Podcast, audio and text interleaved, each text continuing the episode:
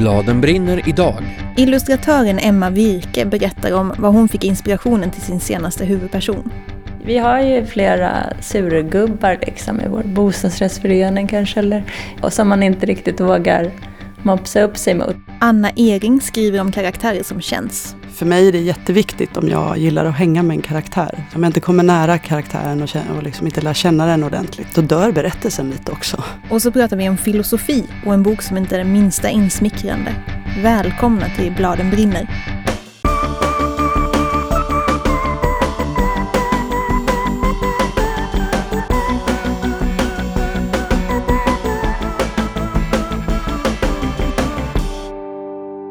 I det här avsnittet ska vi prata om en filosofibok.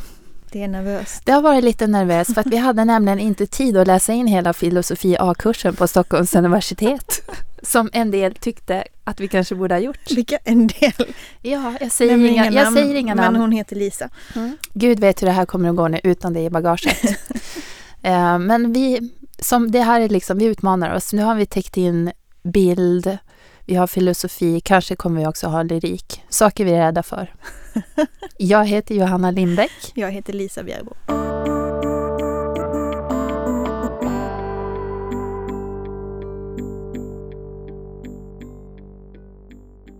Vi ska i alla fall börja med något annat. Vi ska börja med ett hål. Och vi ska göra det i ateljén hos en illustratör som gärna leker med formen och tar ut svängarna när hon gör sina bilderböcker. Jag tänkte att det skulle vara roligt om man kunde gräva hål i boksidorna. Så att jag tänkte, ja men det kan ju börja med en jätteliten grop. Och då är det ett hål på den sidan? Mm, så då ser man liksom igenom väldigt lite och sen så Toto gräver med en liten sked och sen kommer nallan med en större spade. Då blir ju hålet lite större på nästa uppslag. Så hittar de olika saker på varje sida också. Som de... Så det blir som en liten samling här nere. Ja. Mm. Kommer en mask och sen hittar de en ring. Och så kommer elefanten med en ännu större spade så blir det ännu större grop. Så kan man, det är roligt tycker jag, det här med att man kan känna liksom, rent fysiskt. Emma Virke är illustratör, eller författare, eller formgivare, eller allt i ett kanske snarare. Boken med hålet heter Toto gräver en grop och den släpps nu i dagarna. Den riktar sig precis som Emmas tidigare böcker om Toto till riktigt små barn, kanske ett eller tvååringar. Men hon har också gjort böcker för lite äldre läsare. Till exempel bilderböckerna om Memo och mysen eller Klä på herr H som vi ska prata mer om snart. Som jag har förstått det så kan idéerna som poppar upp i Emmas huvud få vitt skilda uttryckssätt. Ibland blir de en låt, ibland blir de en konstutställning och rätt ofta blir de bilderböcker. Vad är det som får en att välja just bilderboken som form? Det är väl just det där med historien, att jag, när jag får en idé, så om det någon gång kanske det blir en låt istället, alltså då kommer ju musiken samtidigt som texten, men oftast så om texten kommer samtidigt som en bild, då ser jag ju ofta en bilderbok framför mig. Och då börjar jag tänka direkt så här, ja men det är kanske dimma, så här, duvblått, eh, den här flickan som är med har så här vita kläder. Alltså jag får så bilder i huvudet och sen så börjar jag liksom bläddra i huvudet framåt. Eh, oftast så kanske jag inte kommer mer än till mitten av historien för sen så kommer jag på en ny historia liksom, innan jag hinner avsluta allt det sådär. Du sa att du börjar bläddra direkt i huvudet. Ingår liksom, för det är ju väldigt många olika komponenter i en bilderbok tänker jag. Att det är liksom bilden och kanske texten om man har en sån och det är formen. Och det här dramaturgin i bläddrandet och så. Kommer allt det samtidigt till dig eller hur börjar du någonstans i någon ände? Men det är väldigt olika olika böcker. Som en del eh, när jag får tänka mest på texten, då så tänker jag inte på bläddringen alls lika mycket. Utan då är det mer så här, jag vill berätta den här historien. Det kanske är mycket monologer. Och, men om jag tänker bild mycket då så kommer formgivningen in ganska tidigt. Så jag brukar oftast skissa direkt i Indesign så att jag kan tänka så här, men här kommer texten ligga. Och, och här, ja den här sidan ska inte ha någon text. Eller, ja, så att man liksom ganska snabbt får upp så här, men funkar den här boken på eller den här berättelsen på 32 sidor. Eller blir den jättelång eller mm. blir det liksom, håller det inte alls. Eller. Mm. Så att både formen och ja, det, det är ju bläddrandet är ju jätteviktigt när, när man bläddrar liksom vidare eftersom man ofta byter. Man kan, det är det som bra, som, tiden går ju när man bläddrar så byter man miljö. Och liksom, eller så är man kvar. Men, ja. men med, med herr H, där vill jag ju att han skulle vara på ena sidan och texten kommer på andra sidan. Och att liksom, där blev det ju det han säger som blir bläddret. Så att helst vill jag att han skulle... eftersom vi inte kan svara så kan inte han säga massa olika saker. Utan för man, ska, man svarar liksom genom att bläddra kan man säga. Ja, den här Herr H. Han är en gammal gubbe i en stor och interaktiv bilderbok som släpptes i höstas. Och han behöver hjälp med att klä på sig. Han har ju lite kläder men, men jag tyckte det var, det var som fin titel också, Klä på Herr H. Eh, men han behöver hjälp att hitta sina grejer. Först så är han ju rätt bekymrad där. Han kan inte hitta sina glasögon. Och då är det ett direkt du-tilltal här, så då är det liksom, har du sett mina glasögon, kan du hjälpa mig att hitta dem? Precis, och jag tyckte det var jätteviktigt att han var ganska stor. Jag hade kunnat göra en mindre, mindre bilderbok men jag ville liksom att man skulle känna att han fanns i rummet och att han tittade rakt mot oss.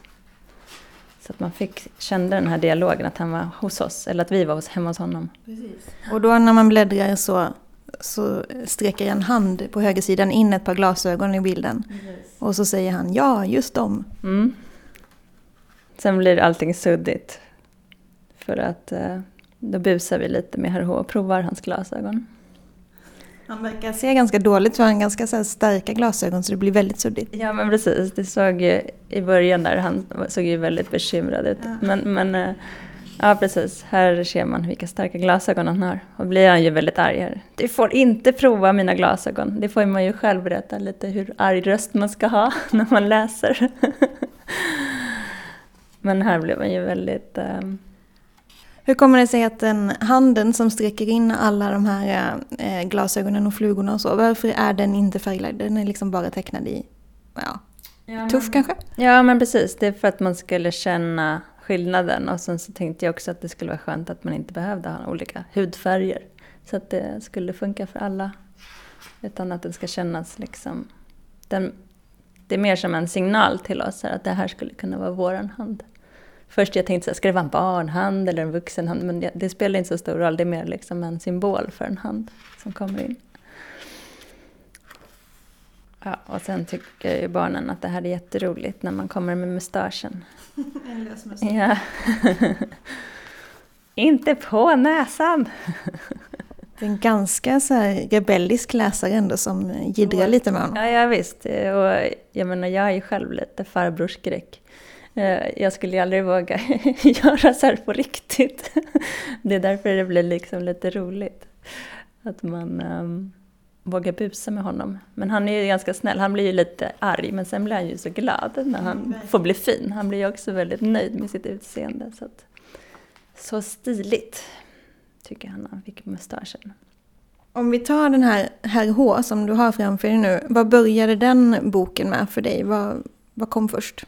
Vi har ju flera surgubbar liksom i vår bostadsrättsförening kanske. Eller, ja, ja, jag tror att det finns på alla så här, och som man inte riktigt vågar mopsa upp sig mot utan man bara försöker vara så trevlig som mot alla. Eh, fast man kanske egentligen är lite så här, åh, den där, han ska alltid veta bäst och så vidare. Och då tyckte jag att det var roligt att ha en dialog med en, en sån i en bok. Fast det, det är ju inte riktigt rättvist eftersom jag hittar på karaktären. Han bor inte i ditt hus? Nej, Nej, han är påhittad och han är väldigt snäll också. Det är det, ja. Vad tycker du eh, liksom att det finns för möjligheter med bilderboken som form? Det finns ju otroligt mycket möjligheter. Jag känner att jag inte alls har upptäckt alla själv. det är det som är så roligt, att man kan göra massa saker. Sen rent trycktekniskt kan det ju bli lite problem med om man vill göra mycket pop-up grejer och saker som går sönder. Det är inte så roligt om de går sönder såklart om man läser dem. Men ehm, ja, det är otroligt fascinerande tycker jag själv med, här, med sådana hål i som Tove Jansson hade också. Man bläddrar i, vad hände sen? Mm. Om man tittar fram och tillbaka. Den här interaktiviteten som du har jobbat med ganska mycket nu, kanske framförallt då i de här senaste böckerna om Toto och eh, Herr H. Vad är det du tycker är kul med det? Ja, men jag vill kanske försöka göra någonting nytt. Det är väl det. Jag tänker så här, men det här finns nog inte. Eller?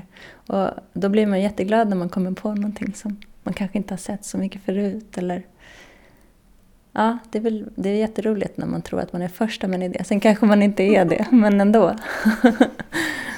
En Det- härlig känsla. Ja, man bara så här, åh, nu får jag inte berätta det här för hela världen på en gång. Fast man vill göra det. Ehm, ja. Är det för din egen skull att du själv hela tiden vill göra nya grejer? Eller är det för att du tycker att så här, ja, men det här, är- den här Ja, typen jag, av bok Jag saknas? är ganska rastlös. Så jag, jag lite...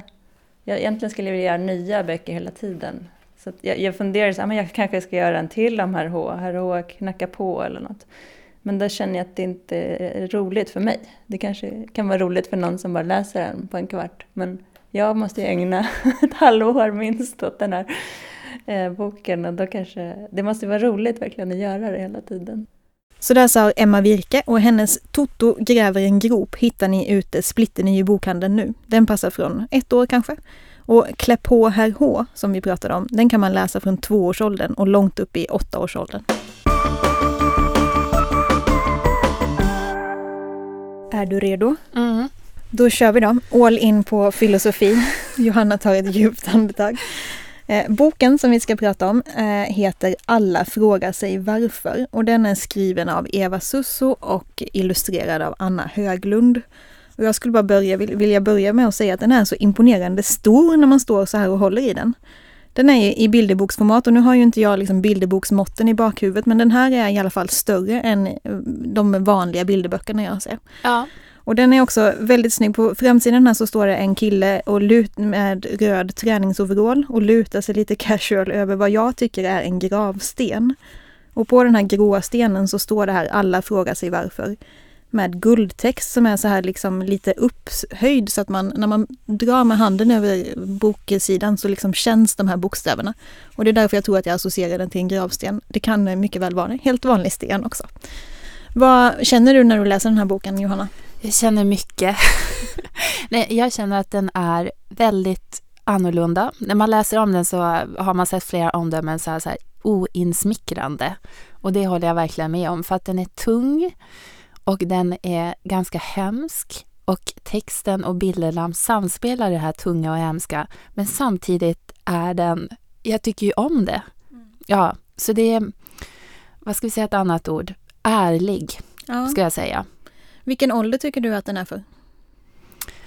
Ehm, kanske tio och uppåt. Den är ju i bilderboksformat så man får ju lätt liksom intrycket kanske när man tittar på den första gången att den här kan jag läsa för min treåring. Nej, Det tycker jag inte gör det att man kan. inte. Men från sex år tycker jag nog att man kan läsa den. Och jätte, jag kan läsa den som vuxen och ha otroligt stor behållning för den. Så att det är som en allåldersbok. Ja, och grejen är att man kan läsa den på olika sätt för att den är uppbyggd att man slår upp ett uppslag och där är det en väldigt, ska vi säga, speciell bild som Anna Höglund har ritat och det hänger ihop med en filosof och sen har Eva Susso liksom tolkat den här filosofens tankar med att skriva en berättande liten text, väldigt Mm. kort. Det står ju ett eller möjligtvis två barn på varje uppslag och stirrar rakt ut i luften och tänker. Ja. Och de tänker då på en situation som de har varit med om som man kan koppla till den här filosofen.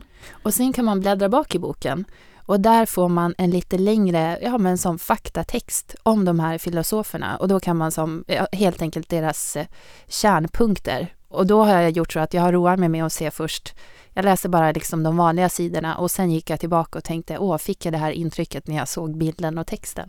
Så man kan, man kan göra på olika sätt när man läser den. Mm. Du som inte har läst filosofi A innan den, du läste den här boken, eh, kände du till alla de här filosoferna innan? Nej, och det var ju det som gjorde oss lite nervösa. jag är verkligen inte alls bra på filosofi, så jag känner bara till de här, jag menar Platon, de här namnen som folk i allmänhet känner till. Sartre, Sartre, han dyker ja, upp här. han är med. Mm.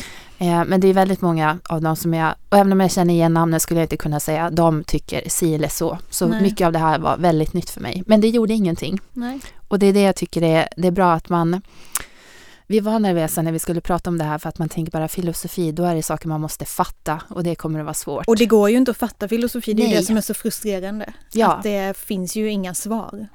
Nej, och det, ja, men det ska ju inte ens vara några svar. Nej, jag vet. Vi får bara släppa det här med att vi måste kunna förstå och analysera allting. Så det, man gick in i det med den här känslan att bli utmanad. Ja, Och det var det man blev. Ja. Vad har du för favorituppslag om du ska bläddra fram det i den här boken? Jag har, det är några som jag har, men jag har ett som jag tyckte var väldigt, nu ska vi se vart det var. Eh, Det här är Hanna Arendt, filosof som är ny för mig. Och då är texten som Eva Sussu har skrivit är så här. Var kommer elakhet ifrån? Jag ångrar inte den hårda knuffen.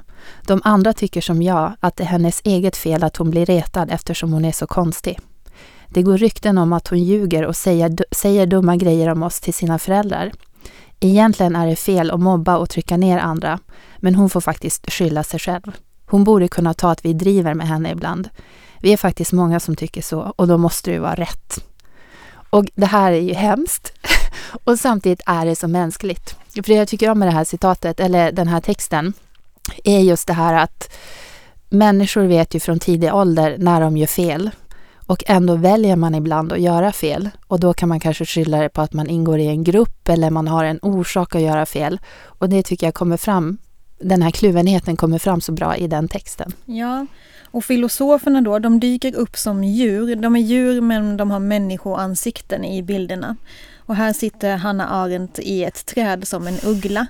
Och det hon eh, säger då är så här. Den sorgliga sanningen är att mest ondska skapas av människor som inte har bestämt sig för om de ska vara goda eller onda.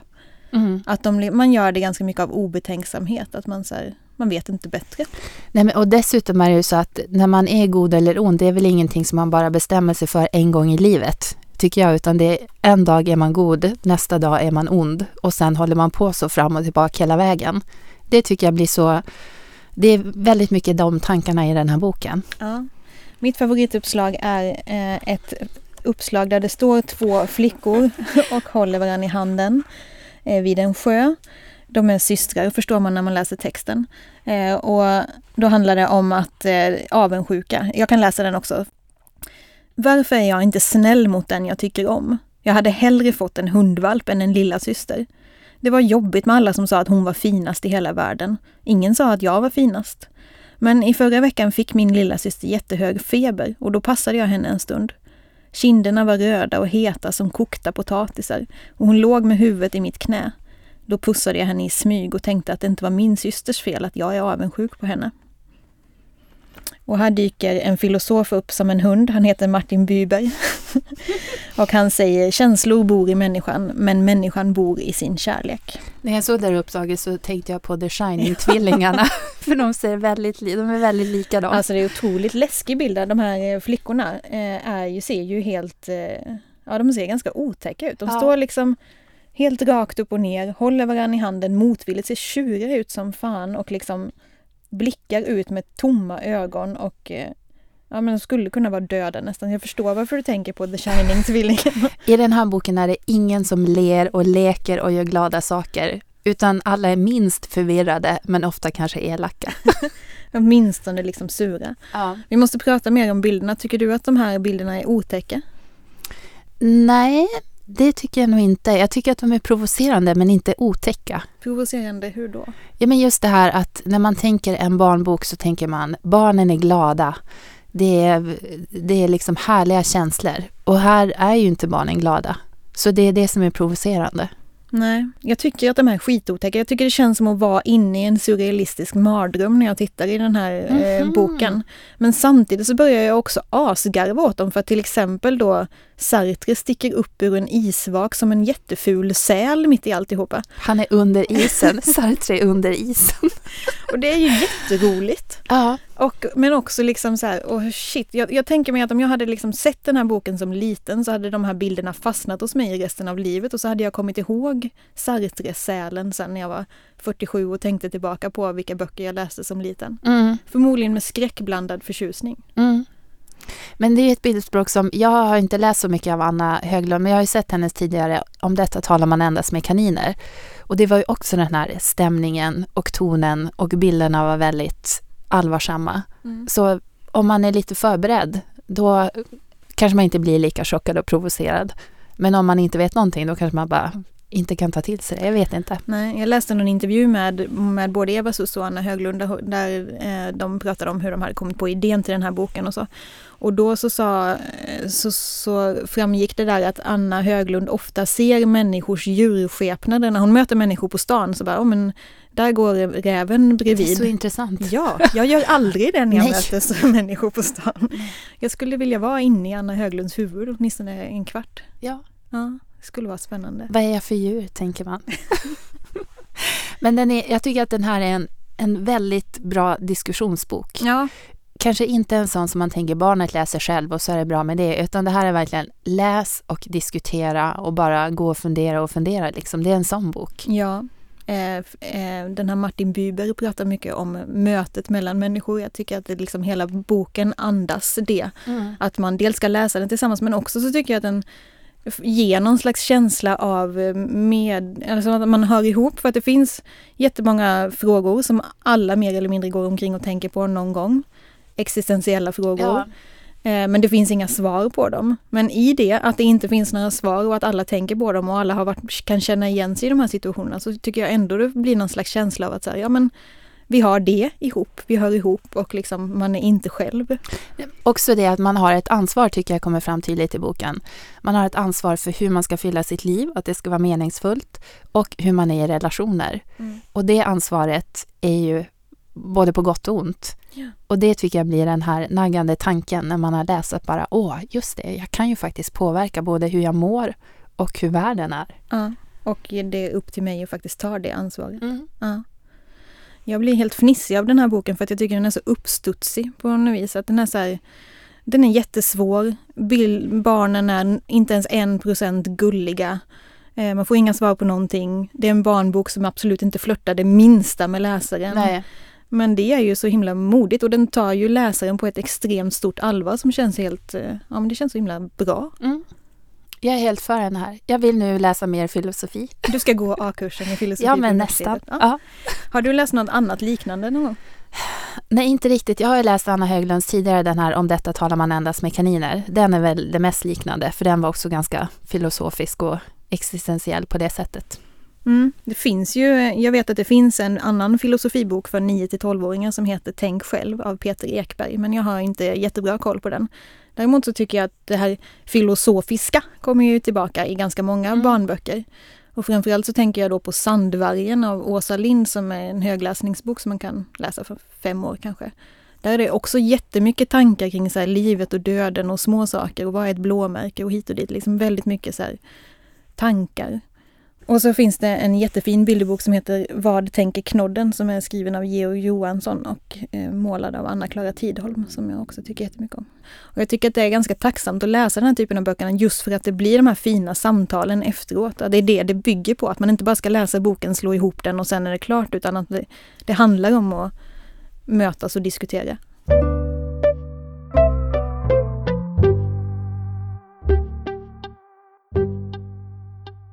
För oss som går igång på perfekta karaktärer så är Anna Erings böcker en guldgruva. Vem älskar inte perfekta karaktärer? Vad menar du ens med perfekta karaktärer? Jag menar bara sådana som man känner väldigt mycket för. Ja, Mm. Inte att de gör fel, att de är felfria. Nej, gud nej. Utan snarare bara det här man blir, blir väldigt ömsint för karaktärerna. Hon har skrivit en serie som heter Drakhjärta. Den handlar om Nisseberg i Bagarmossen. Första delen heter Syltmackor och oturslivet. Men nu har hon kommit med en helt ny bok och en helt ny karaktär. Boken heter Miras Martin och huvudpersonen är en tjej som heter Mira. Mira är eh, tio år, på väg mot elva. Eh, ja, hon är en, eh, en, eh, en tjej som har det rätt bra i livet. Eh, hon har inte, eh, när berättelsen börjar så har hon inte varit med om någonting jättehemskt eller så. Om jag då relaterar till Nisse så. Hon har ingen död förälder bakom sig eller så. Eh, hon, eh, hon tampas med en väldigt händelserik vardag. I skolan med kompisar och, och allt som kan hända där. En hel dag kan bli ett äventyr. Och boken heter ju Miras Martin. Martin, vem är det? Martin är, det kan man väl säga är hennes närmsta kompis. De har gått förskola ihop och, och sen börjat eh, första klass tillsammans och följs åt. Så de har ju lekt länge. Eh, det som händer är att deras vänskap har börjat bli lite mer hemlig. Därför att känslorna har ändrat sig. Så att det känns inte bara som en kompis längre. Och eh, Mira är hemligt kär i Martin. Eh, och det är väldigt många andra också. Mm. Så därför känner hon att det är bara eh, jättejobbigt att berätta det. Så då har hon bestämt sig för att hålla det superhemligt istället. Hur hittar du de här karaktärerna? Ja, eh, det kan vara lite olika men eh, ofta så är det så att jag vill eh, skriva om ett ämne. Och då eh, håller jag på länge och funderar på vem som ska passa i den här berättelsen. Vad tänkte du att ämnet var när du kom på den här idén med Miras Martin? Det var faktiskt ett ämne som en uppgift som jag gav till mina elever på Skrivarakademin. Jag har kurser där ibland. Och då var det första kyssen som de fick och då blev jag så sugen på att själv eh, fantisera om det här ämnet. Och, och hur stort det är. Och framförallt att bli kär första gången som var temat. Att få skriva om kärlek. Men hur höll du på att pröva dig fram med olika figurer innan du hittade de här? Eller hur du tänkte första kyssen och sen? Jag ville att det skulle vara en flicka den här gången. Och sen så eh, försöker jag hänga med henne ett tag och börja skriva. Och sen så skriver jag om och skriver om och skriver om tills jag lär känna henne. Det här är så intressant. Folk gör ju olika. Är du en sån som börjar skriva snabbt eller är du en sån som tänker och sen börjar skriva? Man kan ju som komma in i sina karaktärer på olika sätt. Jag tror att jag går och klurar rätt länge, men sen går det rätt, själva skrivandet kan gå ganska snabbt. Men sen är jag en person som skriver om väldigt många gånger. Så att för mig så är inte ett första utkast någonting som jag visar, utan då börjar jag om från början igen och så håller jag på sådär. Tills jag tycker att det här törs jag visa för någon.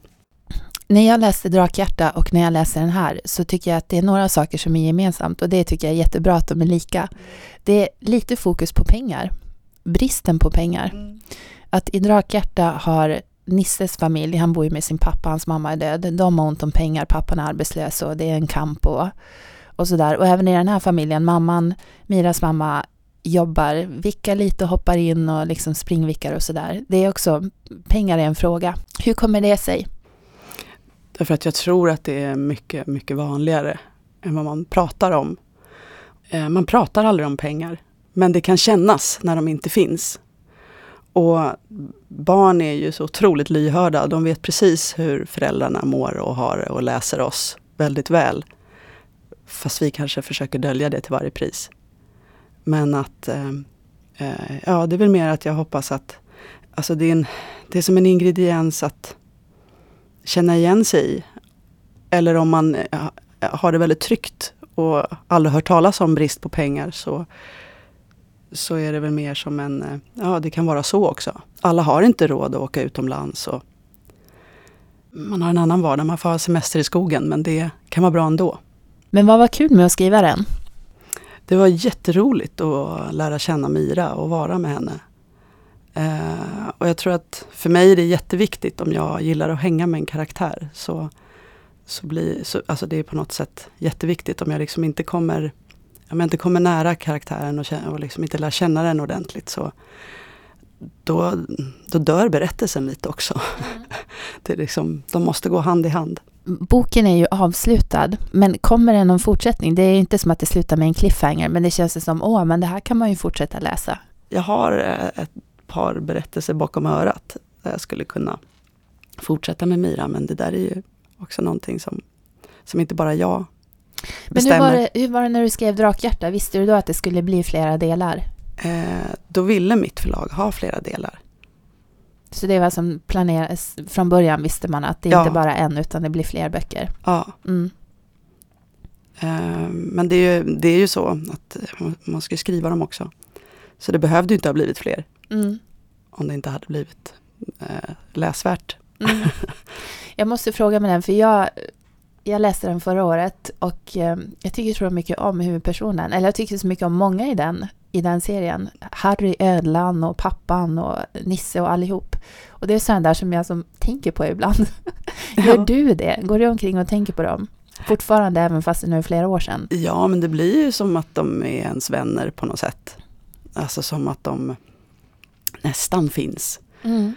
Sen har jag ju en ödla själv hemma, så det är klart att jag hoppas ju att han ska börja prata med mig en dag, men det har ändå inte hänt. Som Harry gör i den serien. Han är så cool, Harry. Han är så... Han är verkligen cool. Jag tycker han är definitionen av det. Ja. Hans livsfilosofi och bara sätt att ta saker. Ja, Ja, det var skönt att få, det var skönt att få kliva in i Harrys kostym. Att ta ut svängarna lite. Brukar du ha så här att ja, men jag vill att läsaren ska få med sig det här och det här? Brukar du tänka så när du skriver? Nej, jag vill nog inte tänka det, för jag tror att alla läsare får med sig olika saker. Och jag är glad om de får med sig någonting. för att vara ödmjuk, så vet jag att det behöver ju verkligen inte vara så att man får med sig någonting. Men om man får det så är det ju fantastiskt. Det där var Anna Ering om Miras Martin.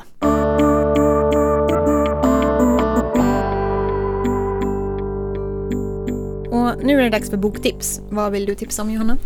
Jag vill tipsa om Rimligt lyckade ögonblick av Åsa Asptjärn som är en rolig bok. Och jag har lite svårt för roliga böcker för ofta har jag inte den humorn. Men det här tolererar jag. Nej, men jag, jag kan gärna tipsa om den här boken. Huvudpersonen heter Emanuel Kant. Han ska börja gymnasiet och han vill göra ett gott första intryck när han kommer till sin nya klass. Det är bara det att han inte vet hur ska det här intrycket bli. Han har liksom, han har ingen koll på hur han ska vara. Och då händer det ganska humoristiska saker. En del tycker jag är lite för så här pinsamma och crazy. Men några tycker jag är roliga. Du gillar inte när man måste ha en, en skämskudde framför ansiktet? Nej, och jag hatar crazy. Crazy Mm. är det värsta jag vet. Men det finns väldigt många som gillar crazy. Jag vet, det är en ständig efterfrågan. Säg en rolig bok. Och då tycker jag att Rimligt lyckade ögonblick är en sån bok. Mm. Så varsågod. Ja, tack. Jag vill tipsa om Spöksystrar av Mårten Melin och Hanna Granlund. Och det är en ny lättläst serie. Eh, hittills har det kommit två böcker, men den tredje kommer nu i vår, april tror jag. Den första heter Flickan på kyrkogården. Och då handlar det om en tjej som heter Nila som ska börja i en ny skola och när hon eh, går dit så blir, är hon lite försenad så hon genar över kyrkogården. Och då sitter det helt plötsligt en tjej där uppflugen på en mur och har t-shirt på sig bara fast den är mitt i smällkalla vintern. Och hon är så jätterolig och snäll och framfusig. Men det är också lite konstiga grejer med henne som till exempel att det inte kommer någon rök ur munnen på henne när hon andas i den här smällkalla vintern. Och ganska snart så fattar man att det här är ingen vanlig människa. Den här tjejen är ett spöke. Och så handlar det om så här, kan man vara kompis med ett spöke? Hur blir det? Kan hon börja i en skola? Och så. Mm. Så det är liksom blandning mellan spänning och vardag. Och den är på den här nivån att man ska ha liksom läst, man ska ha knäckt läskoden och kanske tagit sig igenom de allra, allra första lättlästa böckerna och vilja liksom sätta tänderna i sin första riktiga kapitelbok. Då är de här skitbra. Eh, Jag gav bort den i en present till en åttaårig kille som bara så här älskade den och det är ju som triumf varje gång man lyckas göra det, att man lyckas ge rätt bok till rätt barn vid exakt rätt tillfälle så att det blir så här en härlig läsupplevelse. Kan vi inte utveckla det till rätt bok till rätt människa? Ja, det är alltid går en bra. triumf. Det är det bästa. Folk kommer tillbaka och älskar boken de har fått. Så det här är tips. Och så här sa Emma Virke. Ja, apropå vatten så har jag precis köpt den här boken En flod. Och den tycker jag är väldigt eh, vacker. Eh, och jag gillar ju såna böcker man bläddrar som, är, som handlar om en resa. Här är ju en flod som ringlar sig igenom. Man vill ju bläddra vidare för att se vart den tar vägen. Men samtidigt så är varje uppslag så här fullt av eh, detaljer och man vill bara stanna kvar och njuta av bilderna. Så att, mm. Vem- Vem är det som har gjort den? Det är Mark Martin som bor i Australien. Och det här vill Anna Ering tipsa om. Just nu så plöjer jag och min lilla Astrid massor av lättläst böcker. Och då är det ju några som man fastnar lite extra för, som vi har lite extra roligt åt tillsammans. Och då är det eh, böckerna om eh, Alma och Egon av Karin Wirsén. De har vi fastnat för båda två. Och de lyckas i det här lilla formatet på något sätt. Karaktärerna får reflektera lite över sig själva och, och så är det en spännande handling, hur ska det gå? Och det tycker jag är skickligt på så, på så lite tid, vad man ska säga.